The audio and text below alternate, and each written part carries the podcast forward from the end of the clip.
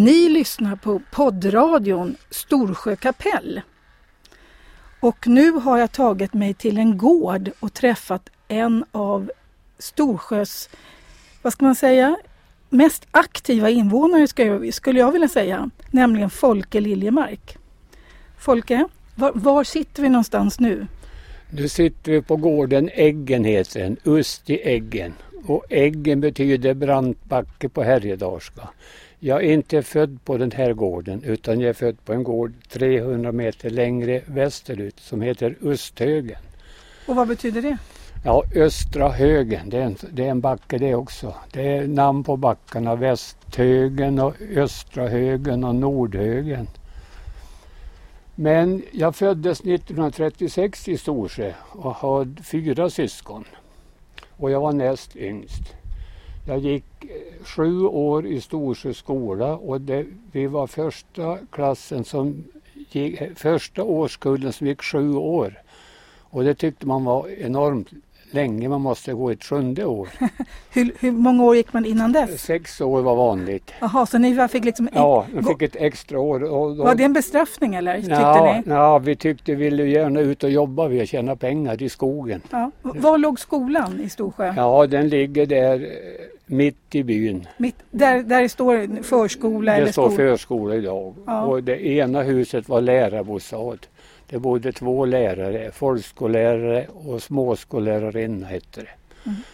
Och hon hade klass 1 och 2 och den andra läraren hade 3, 4, 5, 6 och 7 i samma klassrum. Så du gick tillsammans med dina syskon? Ja, bara en äldre bror som var två år äldre, bara han gick jag tillsammans med. Berätta om dina föräldrar, Hur, vad hette dina föräldrar? Han pappa hette Tron Liljemark jobbade i skogen. Han var född 1900 och mamma hette Gunhild. Hon var född 1903. Hon hade poststationen i Storsjö. Jaha. Och den var i släkten, tror jag, nästan 100 år i våran släkt. Med mormor, mamma och en syster. Var, var låg poststationen? Ja, där Vidar bor idag, alltså min hemgård. Där Din låg hemgård. posten. Man hade den hemma hos sig? Ja, då, vi hade ett rum där. Och då var det, det var ju vissa tider som var öppet men byborna kom ju när det passade dem på kvällarna. Om det var middag eller kväll, lördag, det kom ju alltid någon. Och från de som bodde på holmarna ute i sjön, de kom ju på helger. Och det var ju trivsamt. Körde på vintern med häst och hästen stod utanför och fick lite hö och de var inne och pratade timmerkörning med pappa. Och... Jaha, posten, kunde man leva på det då? Nej, det var nog del deltidsjobb det. Hon hade ju, det Konsum var på en gård, hon hade, de bodde hos oss och fick mat. Fick vi bara frukost, lunch och middag. Plus hon hade fem barn och posten. Och så hade hon några kor. Hon skulle gå till, till den gården vi sitter nu, det är 300 meter hit. På vintern var det inte lätt när det var en meter snö. Men berätta, hur många syskon hade du sa du? Fyra stycken. Vilka år föddes de då? Eller? Eh, ja, 27, 30, 34, 36 och 45. Och hur många av dina syskon är i livet nu? Samtliga i livet. Allihopa ja, i livet? Ja, äldsta är på äldreboende i Svenska Vikon. Hon bröt lårbenshalsen för ett halvår sedan. Så hon hamnade där men hon är klar. Och Ja, hon tror ju att hon bor hem, hemma i Storsjö men annars är hon klar och redig. men, och, och, du har väl också byns äldsta släkting?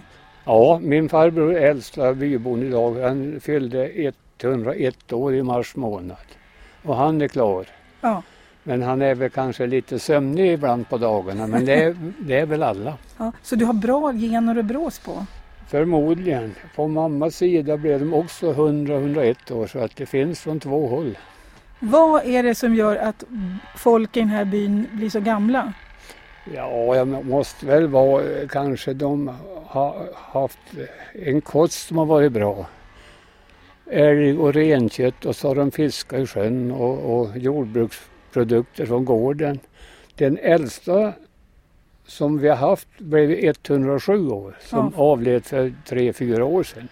Det är fantastiskt. Vad är det vi hör förresten? Nu har vi ja, det är nog den här moderna gräsklipparna, röjsågar. Röjsågar? Ja. För här jobbas det på den här gården en av de finaste gårdarna. Ni sköter den bra. Vad är det ni gör du och din bror? Ja, det är ju gräsklippare, det är åkklippare och självgående och det är röjsågar och det är traktorer och allt möjligt. Ja, jättetrevligt. Nu ska vi återgå till din barndom igen. Vad hände då? När du var liten så gick du i den här skolan, i Ja. byskolan. Vad gjorde du sen? Vad, vad, vad, vad tänkte du bli när du var liten? Ja, man tänkte nog inte bli annat än jobba i skogen och, och tjäna pengar så det- fort som möjligt. Ja, för din pappa jobbar i skogen. Ja, han jobbade, han körde timmer med hästar. Och det gjorde väl alla män här i byn, va? Ja. jobbade i skogen? Ja, det fanns ingen annan. Om man, och, och studera var ju så avlägset så det fanns ju inte en chans det. Men var det ett liv man längtade till? Var inte det ett väldigt hårt liv i skogen? Jo, men det, det var väl ingen som tänkte på att det var hårt. Det skulle ju vara det. Hur, hur gammal var du när du fick följa med ut i skogen första gången? Ja, då? 14 år var jag väl. 14-15 Då- fick man ju börja. Då ansågs man liksom, Ja, ja. det var inte barnarbete då, 14, Nej, 15? nej, nej, nej. Det var, man var ju glad att man fick börja jobba Ja. och tjäna någon stackars slant. Och vad, och, och vad gjorde du för någonting? Hur gick, hur gick skogs... Ja, då började vi på egen. Vi sålde lite avverkning på ett skogsskifte i byn. Då fick man då hade de motorsåg och fällde åt oss. Det var grova tallar, tvåmans motorsåg. Då fick man ta rätt på dem. Då. Kvista dem och, och barka då, topparna. Och Men då hade man inte motorsåg? Nej, inte då. Nej, inte då, inte vi. Den kom senare in på... Det där var väl början på 50 Det var inte vanligt med motorsågar utan det kom senare. Nu tar vi och rör på oss lite för att det, är- nu är det så mycket sågande här runt. För i det här området, Nej, Vet- vet du vad Folke, nu får du berätta lite grann vad vi går förbi. Berätta först om det här huset som, vi, som du bor i. Ja, det här huset är från 1800-talets slut. Och det var en som hette Långström. Det är ingen släkt med mig heller, men han kom nog från en by som heter Ljusnedal. han. Och sen var det nog eh, min farfars broder som köpte den här gården. Mm. Eh, Vi hade ju stora skogsskiften. Men de såldes ut på 1860-70-talet. Sen fick de köpa tillbaks några mindre markbitar med hus och allt då. 15, 19, 15, 20-talet. Då fick man betala, tror jag, mer för de där små bitarna än man fick för hela stora skiftena tidigare. Är det här flyttat hit det här Ja, huset? det är nog flyttat, jag Det- tror det. Ja, för det, det är märkt ser man Ja, också det är på märkt brädorna. flera gånger så det är nog flyttat. Mm. Och lagat och lappat. Och det här fantastiska lilla huset här då? Det är en slotter störreste. Då hade man efter åarna slog man ängarna med lie Ja. för att få vinterfoder. Då måste de ha små stugor att bo i. Och den är timrad med ett eldstad i mitten, ingen skorsten. Utan ett hål i taket. Ja, ett hål i taket. Ja, och det låg gubbarna i min ungdom på en gammal fäll och, och slogs med myggorna på kvällen och, och slog med lie då. Aha. Och rävde sig ihop det och gjorde små stackar liksom. Aha. När det blev vinter fick man köra med häst och hämta in det där fodret. Men de fyllde den här stugan med foder alltså? Nej, inte stugan. Det, Nej, var, det- var bara en bostad. Ja, det var bostad. Ja, Nej, då fodret låg i stackar liksom. Aha. Men- Och så risas det då. Och stängdes in så inte renar och sånt skulle äta upp höet då till vintern när de hämtas igen. Var, var, var någonstans stod den här förut sa du? Den stod en mil utanför byn efter en å som heter Storån. Ja. Man kör över en landsvägsbro där, Åsen och Ljungdalenvägen. Den står två kilometer uppströms där. Mhm. Men, men var det inte ett jättejobb att bara flytta en sån här timmerkåk? Nej, inte för våran del. Nej, nej, det var enkelt. Vi plockade ner den på hösten och tog snöskoter på vintern och körde hem den. Och så Jaha. nästa sommar så la vi upp den här då. Jaha. Så la vi lite torv och lite jordtak då som det skulle vara. Ja, så var det för. Ja, Ja, jättefint. Nu går vi vidare. ja det här är ett gammalt häbre från 1800-talets slut. Och det var ett prästhäbre.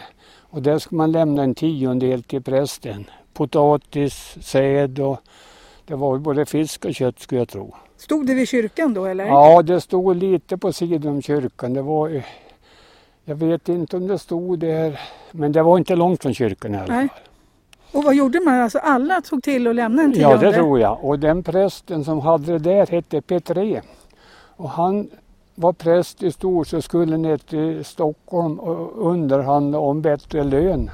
och tog båten från Sundsvall vad jag hört. Ja. Och båten för, förliste där. Oh, Så den prästen omkom på detta vis. aha.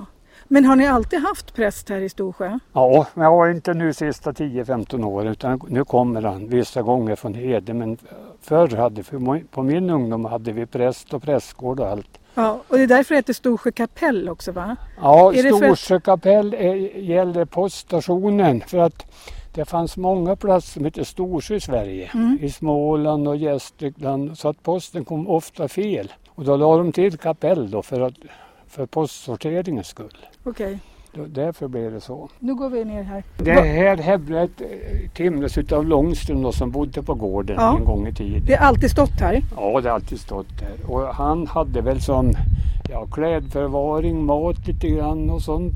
Mm. Och det är ju under ser man att det är några svarvade stolpar. Det Just var det. väl för att inte råttorna skulle kunna springa in så lätt. Okej, Tanken var väl så. Nu blåser det så mycket in Ja, här så vi får röra på oss.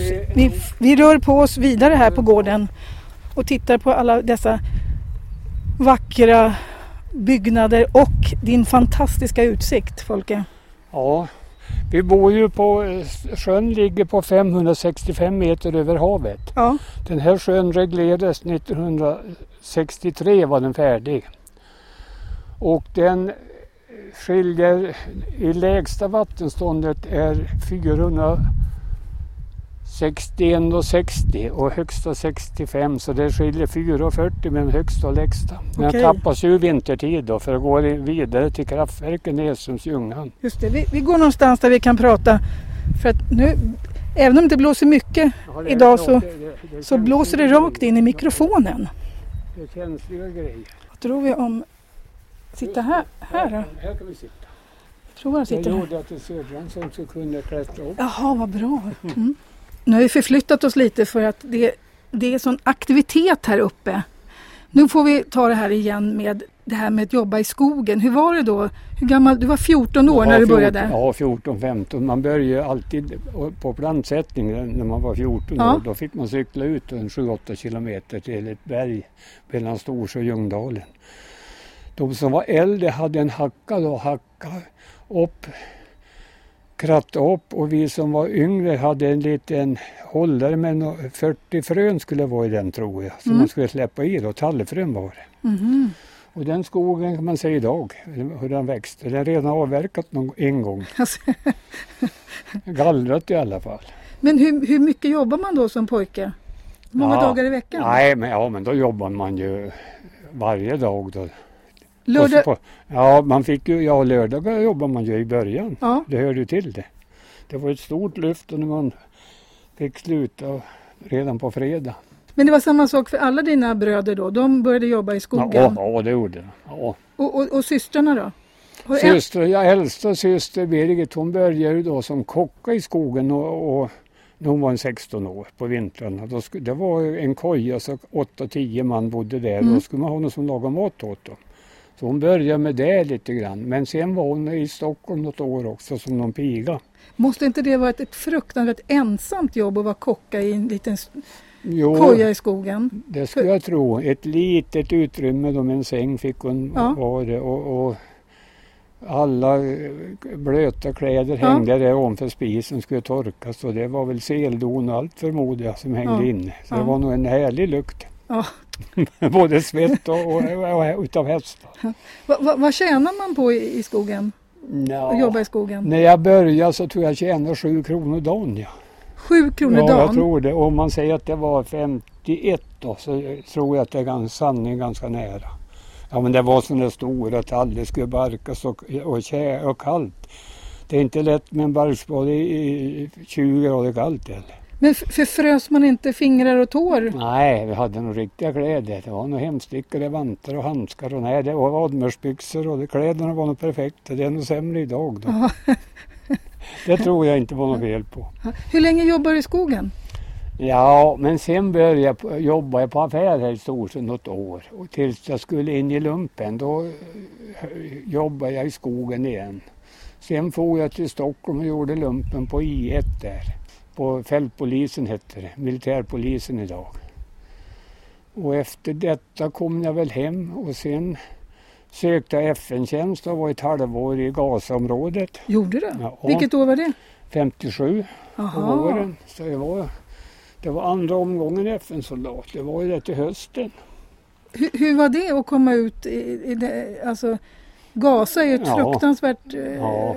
krigiskt område höll jag på att Ja. säga. Ja, jag var väl ganska lugnt och efter kriget. Men man Ja. såg ju mycket efter kriget. Vi låg vid kanalen ibland. Det var ju fartyg som var sänkta och vi får ju. Jag var ju bland de första som åkte bil jag genom Sinöknen ner till Sharm el Sheikh. Vi Mm. skulle avlösa en indisk bataljon.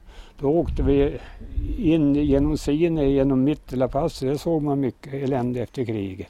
Men hur, hur var det för en Storsjökille att komma, liksom, det måste ju vara, Ja. snacka om att komma ut i stora vida världen till en helt annan värld än Ja. du hade här uppe. Hur, hur, hur tänkte man då? Ja, man gick till sitt vaktpass i två timmar och var ledig en fem, sex i värmen. Och så. Ja. Längtar du tillbaks till Storsjö? eller? Nej, inte då. Nej, Nej. jag var ju insövd. Det var ju varmt och fint. Ja. inte ett moln på sex månader och inte en regnskur. Men det var lite varmt i tältet. Vi Ja. låg i tält i Sharm el och längst ner där Ja. på Sinai. Och vattnet kom i tankbil från El Tor, hette det, 10 mil därifrån och det var ju ganska varmt och gott och det stod en tankbil där. Det fanns rening, de har rena havsvatten men det tror jag var förstört så att det gick inte att använda det. Reningsverket var pajat. Mhm. Vi fick väl köpa lite Coca-Cola ibland och för att ha det svalt så la vi ner dem i Akkabaviken. och då var det väl 25 grader varmt i vattnet. Då tyckte man det var svalt. Så du, du gick från liksom minus 30 Ja, i, i skogarna ja, runt Storsjö ja, till det här ja, livet? ja. För nytillkomna lyssnare så sitter jag alltså och pratar med Folke Liljemark på den här gården som, den får du uttala vad din gård heter. Usti Äggen, Östra Äggen. Äggen var ju en brant backe, Ja. tvärbacke. Och den säga. andra gården heter? Usti Högen, Östra Högen. Bra. Så då vet alla bybor var vi befinner oss. Det hoppas jag. Ja, vad, vad hände när du kom tillbaks då? Ja, då var det väl så att det var brist på befäl. I, på I1 var det väl. Underbefäl. Så att då fick man söka då. Det tog ett år för att bli furir. Mm. Men då fick vi söka. Var, vi var fem killar och som, ja det var många som sökte men jag ville inte ens in. Ja, men jag hade en kompis som ville. Mm. Så att, och jag blev med förstås som inte hade lust. Så man fick ju gå där och utbilda sig några månader. Sen var det ett tag men sen hoppade jag av det militära. Sen var det väl lite snickaryrken på det här då. Tills då mitten på 70-talet fick jag jobb åt Länsstyrelsen som naturbevakare och tillsynsman. Det är det, det, är det jobb du haft lä- längst Ja, i livet? ja, då hade jag det i 25 år. så det 25 var, år. Det var nog rekord. Det var rekord. Ja. Berätta, vad gjorde du då? Ja, man började ju då första året fick man gå runt de där lederna. Det var väl en 40-50 mil sammanlagt. Sommarleder och vinter. Där fick man gå runt och kolla vad som skulle åtgärdas. För det var ju Svenska turistföreningen som har skött det delvis förut. Det var i dåligt skick. Staten övertog ledsystemet då. Ja. Då fick man gå där och titta och räta upp någon stolpe och, och och va, göra något rös, inte provisoriskt. Så att man Ja. kunde då fick man ju till nästa vinter köra ut stolpar med kryss och, och då satte vi reflexer på kryssstolparna också så att det var lätt för att hitta då nattetid för helikopter. Man ser ju dem Ja. här i snö. tala om vilka områden du gick mellan då. Va, Ja, jag hade ett område kan man säga från Sylarna, Helags, Oviksfjällen söderut mot Funäsdalen, Tänndalen, Fjällnäs. Men jag hade även Rogen ett tag. men, och du gick eller hur tog Ja, du? ja, då gick jag. När det har gått något år då fick man helikopter ut. Men jag gick ju på sommaren med tält, järnspett och spik och, och mat för en vecka. Så du är en äkta fjällvandrare. Ja, jag har väl Alltså- gått åtskilliga mil och legat i tält åtskilliga nätter. Hur var det? För det här har ju blivit en jättegrej egentligen i både Härjedalen och Jämtland. Det här Ja. med vandra. Ja, Var det lika mycket folk då som vandrade? Eller som Ja. ville vandra? Ja, det var det nog. Det var, ja, det tror jag. Det, ja, det är ju olika somrar också. Det var nog kanske mycket i början. Sen är det väl många som åker utomlands också nu. Det är väl lite lättsammare det. Men jag tror jag återkommer mycket fjällvandring. Jag kommer nog mer och mer. Ja. Det verkar så. Men alla dessa fina spänger och- eller spångar Ja, eller vad heter ja. någonting. Vem har lagt ut sånt då? Ja, eh, jag har ju lagt ut en hel del. Då kör man ut de där plankorna på vintern. Ja. Man fick göra några stenrösor som man hittade dit. Man hade ju ingen GPS på den tiden. Nej. Utan den fick man ha I huvudet? I, i huvudet då. Och fick man skriva lite i en, en bok då att 25 meter plankor där. Och lägga ut lite i överkant och så det som blir över kunde man köra på, med skoter och flytta då. Ja, för det var lättare att transportera saker på vintern Ja, med på skoter. vintern. Ja, och Ja. helst i april månad. Det är sk- skare och fint. Då Ja. var det lättast att köra ut. Så du kan egentligen hela, alla de här lederna i alla de här fjällen? Ja, det tror jag att något sånt där. Har jag inte glömt? någon- Nej, har ju gått så jag vet nog varenda kulle och och, och vinklar och vindskydd. Så du skulle hitta, du behöver ingen GPS? Ja, det är klart, är det snöstorm då behöver man ju GPS för då ser man ju fem meter, Ja, kanske ja. tio i bästa fall. Men jag tänkte på när ni gör de här skoter, skoterlederna över isarna. Ja, Hur bestämmer ni, nu får folk åka på, på isarna och nu får man, folk inte åka på isarna? Hur, Ja. hur, hur bestäms sånt? Hur ja, vet man sånt? Man måste ju borra isen så att man vet att den håller. Hur tjockt ska den vara? Ja, man borrar nog inte förrän den är nog 2-3 decimeter. Mm. För att det, det var svårt på min tid att borra på isar för jag hade en vanlig sån isborre som man har vid isfiske. Och då blev det grova hål.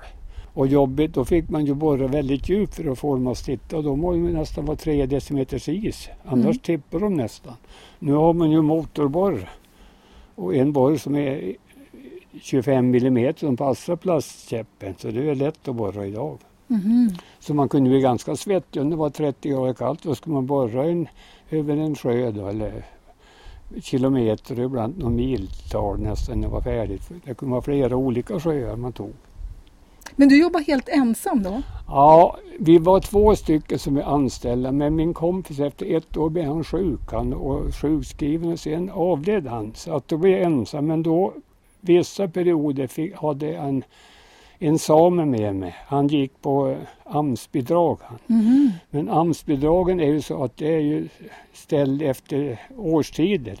Så den svåraste tiden fick man inga AMS-jobb, då fick jag vara ensam. Men när vårvintern kom då fick jag hjälp och så högsommaren. Jaha. Men höst och, och vår när det var mest besvärligt att jobba ensam. Men, men innebar det att du sov över då Ja. mycket ute på, Ja. på fjället? För, att det, för det måste vara enorma Ja, sträckor att röra måste- på sig. Man måste ligga ute en vecka i regel för att om man går från Helax mot Syla så kan man inte springa hem varje kväll. Nej. Då hinner man inte jobba någonting utan då var man med tält, järnspett, sovsäck, mat för en vecka, rödsprit, minst en liter, Trangia-kök och så att det var en packningen vägde väl minst 25 kilo. Och hur var det jobbet tycker du? Tyckte du om det? Ja, jag tyckte det var fint. Ja. Jag tyckte det var fint. Och när jag låg i tält då, man kan ju inte ligga i tält från klockan halv fem på kvällen utan då jobbar man på kvällen. Ja. Det var lika bra. Men det. du låg på liggunderlag då? Ja, i, bör- i början var det nog dåligt utan då tog jag bort yttertält och allt då. Men det Ja. visade att det blir så fuktigt och, måste, och sen inget liggunderlag men det var ju besvärligt att ligga. Ja. Så Men- du, du låg direkt på marken? Ja, jag låg direkt på marken.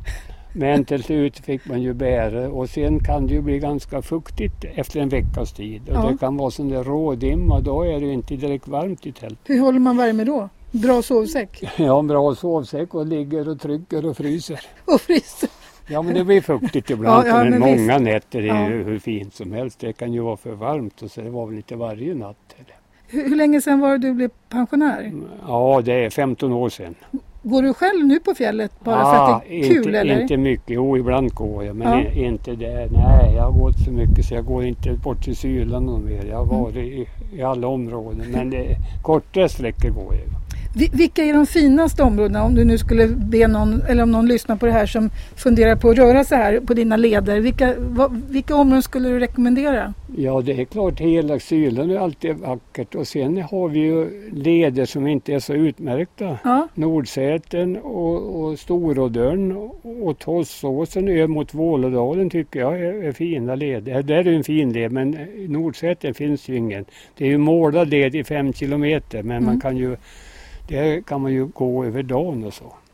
Om man går upp till eh, de här stora ställena så är det mat man ja, kan ja, beställa. ja visst. Ja, Det finns ju, man kan boka rum. ja. Mm. Jag tänkte berätta nu. eh, Fjällräven har ju matats och matas fortfarande. Just det. Ja, på, Uppe- min, på min tid. Det var Henry Deron var ju han som var föreståndare för Helags turiststation hette det på den tiden. Men det Mm. har ju tagit bort till fjällstugan. När de byggde nytt 1985 då var det fjällstuga bara. Men i alla fall Henry Deron hade, matade ju fjällrävarna. De gick runt husen och där. Och många turister tältade och i förtält eh, hade de korv och skinka och grejer och de försvann ju på en, Jaha, ibland. Och så, så- frågade de mig vad är, som, vad är det för odjur? Jag tror det är fjällräven, sa Nej men han tar väl ingen mat? Jo han är en riktig tjuv. Han är ju lätt och han är ju orädd. Deron hade ju den där fjällen vid fönstret. Han, han släppte ner mat från köksfönstret i Helax. Jaha. Sen började vinter att mata dem med trafikdöda älgar och renar och så var det någon som Mm. hade getter i djungeln fick dödfödda killingar och körde ut. Jaha. Och, och del hittas utav andra på, på sommaren som frågar om renkalv, är de svartvita de? Vi har hittat döda renkalvar, ja, men det är nog inte renkalv, det är nog döda killingar som jag matar räven med. Men det får man inte lägga ut idag tror jag. Det är förbjudet. För nu kan man ju åka upp till Helax och åka på en sån här safari, en Ja, och- fjällrävssafari. Det är en av de lockande aktiviteter man har på Helax tror jag. Och nu jagar ju naturbevakarna rödräven för att hålla de trycker ju ner dem, fjällrävstammen, så de får jaga rödräv då, naturbevakarna. På min tid, Deron hade en rödräv i Helax man ville jag skulle plocka bort. Ringde på länsstyrelsen och frågade, får jag åka och skjuta räven? Nej, det går inte Folke. Nu är det ju preskriberat så nu ska jag berätta sanningen. När mörkret kom då tog jag geväret från Ljungdalen, Kläppen, packade ner det i pulkan, körde upp på kvällen, la mig där i månskenet och lurade på räven och knäppte den. Sen får jag hem. Men då var allting förbjudet. Idag bedriver de jakt, jag tror från skoter och allting. Det är tillåtet från Naturvårdsverket idag. Bara för att vä- Ja, värna ja, ja fjällräven. visst, ja, visst. Ja. Rödräven tar överhanden, Ja, är ja. ju starkare. Och, och nu matas ju fjällräven med sådana stationer med hundfoder. Och det kan väl vara bra för överlevnad men jag tycker att jaktlusten kan väl inte bli väldigt bra om man får springer fram till en automat och äter.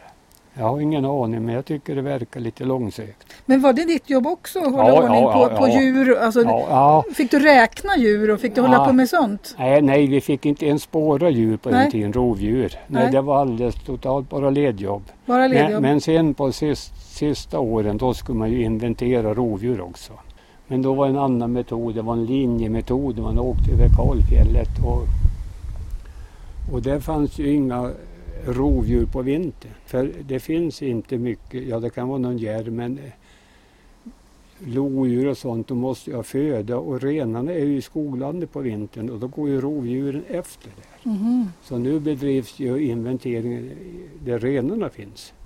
Men när du slutade sen, hur länge jobbade du till 65? Ja, jag fick gå redan vid 61 för det fanns inga pengar då. Och vad hände då när du slutade? Ja, då anställde de ju... Jag anställde en då som jag fick vara tillsammans med men då fick inte jag ha något chefsjobb, det fick han ta direkt. Och sen jag har slutat idag är det sex eller sju personer som jobbar inom samma område. Som gör det jobb som du Ja. gjorde?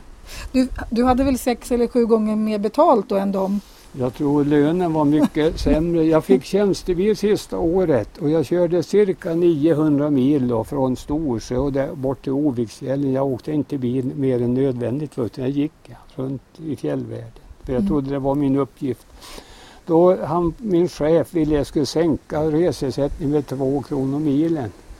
Och det gjorde jag. Så då tjänade Länsstyrelsen 1800 kronor på mig det året. Men vad han själv åkte på och tog traktament, det har jag ingen aning om. Ja, så är det. Och då sa en senare chef att vi skulle skära ner budgeten på länsstyrelsen med 10 procent. Mm. Och sen då visade det sig att de har ju anställt hur mycket folk som helst nu. Ja, för det måste vara ett jättejobb att hålla ordning på de här lederna. Ja, det tycker jag. Men det är klart, det är lättare ju fler man är. Men Folke, du har ju fortsatt att varit aktiv. Du är en av dem som går runt, eller gick runt nu för något år sedan och knackade på och såg till att alla skulle skriva upp sig på det här med bredband. Ja. Du är aktiv här i... Ja, man måste ju de få personer.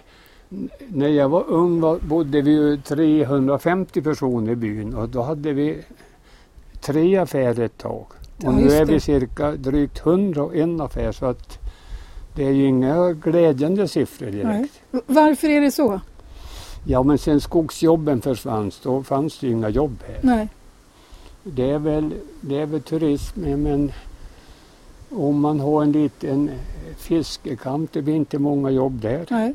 Men finns det inte väldigt mycket jobb när det gäller snickerier och hjälpa, alltså snickra turisternas stugor och renovera och fixa och dona? Jo, jo, men nu byggs det inte så mycket i Hässleholmsområdet med. Ljungdalen men eh, det kommer ju folk utifrån också. Men du tror på det här med bredband? Ja, det är väl ett måste. Det är ett måste. Ja, det är det väl. Och nu har, håller de på för fullt och den där bredbandsfibern går från Åsarna över Storsjö, Ljungdalen och Flatrut och kopplas ihop med Funäsdalen. Ja, det är fantastiskt bra. Och det är ju det. Ja. Så att det är inte många i Sverige som har något bättre uppkoppling än vi då så småningom. Så här kan man egentligen bo och vara uppkopplad till resten av världen. Ja, och jag hoppas att vi får inflyttare hit nu. Just det, Och det finns ju gårdar och, och möjligheter här. precis. Har vi glömt någonting om, om Ja, dina jag, jag, jag tänkte berätta att jag låg i en stuga i, från måndag till fredag i, i rykande snöstorm. När då? Ja, det var väl 80-talet på vintern. Jag hade två killar med mig. Vi skulle köra ut stolpar till en, en skoterled till Sylsjön som ligger gränsen mot norska gränsen. Och på vägen dit började det blåsa. Inte sån där rykande snöstorm men ganska mycket. En kille försvann för mig efter söder om Helax. Och då det- försvann? Ja, det blåste. Jag vet inte han tog väg men jag kunde inte söka honom. Nej, Utan nej. då hörde jag börja dåna och vart alldeles svart så sa till kompis nu måste vi åka till en gammal renvaktarstuga.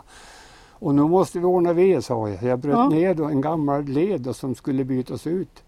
Och vi hann ju knappt få ner någon stolpe förrän då kom den där stormen. Och det blåste i, från måndag eftermiddag till fredag morgon vaknade jag till, eller ja, jag var väl vaken under tiden men tittade ut på fredag morgon, då var det strålande sol. Men man tog sig inte ut. Då låg man där. Blev man nödig fick man gå ut, det var en liten först. Det fick Mm. man göra behoven på en spade och skicka ut det där i stormen. För man kunde inte dra ner byxorna i den stormen. För man, man kunde inte ta sig ut. Men det blåser bort. Men vad, och vad åt ni då? Ja, jag hade mat med mig Ni för hade en mat- vecka. Ja, ja, ni hade det? Ja, men det sämsta var läsning. Men jag, då hittade jag en gammal bibel där, så jag läste i den då. Jaha, Men det, det, har nog, det har jag nog glömt för länge sedan innehållet. men jag läste den då. Men var du med om andra sådana här saker när du, när, liksom, för det, det, sånt där kan ju kosta en livet om man gör fel. Ja visst, ja. jag har ju varit med i fjällräddningen i 43 år också. Ja, och det är många människor som har Ja, ju, gått fel. ja, det var ju fyra stycken som omkom eh, en, två mil från Ljungdalen i Dunsjöfjället i en lavin där. En lavin. Ja, de skulle åka ut. De, de var borta en hel vecka innan de saknade dem. De skulle fiska och vara ute en vecka. Så det var Aha. ingen som saknade dem från att det har gått en vecka. Då har de omkommit i lavin där då. Mhm. Och sen i Ekorrpasset, det är vid norska gränsen, det var ju tre tyskar som omkom. Den, de delade på sig i stormen. Ena kom fram till vindskydd. Han stupade i dörröppningen han Mhm. och låg där i dörröppningen. Jaha. Och andra två var en kilometer ifrån. Så det har väl hänt lite sådana olyckor. Är det mindre olyckor idag när folk kan förutsäga vädret bättre och, liksom, och ha bättre utrustning? Och för förr så visste man väl inte heller när... Ja, det är väl sällan det händer en olycka nu. Ja, det, visst ja, är det så? Ja, och det är väl bara lite lättare incidenter. De hämtas hem och så. Nej, Ja. Det har inte varit någon dödsolycka på jättelänge. Nej. Så det är nog bättre. Det är Både nog bättre. leder och, och, och GPS och, och Om man hit- du, ja, Och man hittar folk och de Ja. ringer när det är... ja, när visst, det är... ja, nej det tror jag. Nej, det är nog mycket bättre. Mm, mm. Men var det, var det ditt jobb också att vara med då i den här Ja, fjällräddningen? men det, det är ju en annat. Det är en frivillig organisation. Det är en frivillig Ja, organisation? Ja. Jag var det 43 och tills man var 65 då var man Ja, vad, hade man bra fysik har man fått fortsatt men jag tänkte, jag sa jag hade för dålig fysik för jag tyckte det var lite jag gillade inte den nya metoden på fjällräddning alla gånger. Mm. Vi skulle köra skoter som dårar. Men gillar du att köra skoter? Ja, gilla och gilla. Jag har kört så mycket så jag har väl kört närmare ja, 25 000 mil kanske oh, genom herregud. åren. Så att jag kör väl inte mer än jag kör hem lite ved och sånt och så en liten tur till en stuga jag har på en gammal fäbodvall. Och någon liten fisketur. Nej, jag har kört så det räcker. Jag tar hellre skidor när jag kör runt Eldjusspåret. Du, du, du, gillar att åka skidor? Ja, det gör jag. Det här var ju fantastiskt trevligt att sitta här. Förresten, tala om vilken stuga vi sitter nu vid, för vi har förflyttat oss. Det är oss. min svåger och min syster som bor i Vallentuna sportstuga mm. och deras pojkar med familj. Tack Folke Liljemark, en ungdom på 80 år, eller hur? Jo, tack själv. Ni har alltså lyssnat på poddradion Storsjö kapell och mitt namn är Ann Sandin Lindgren.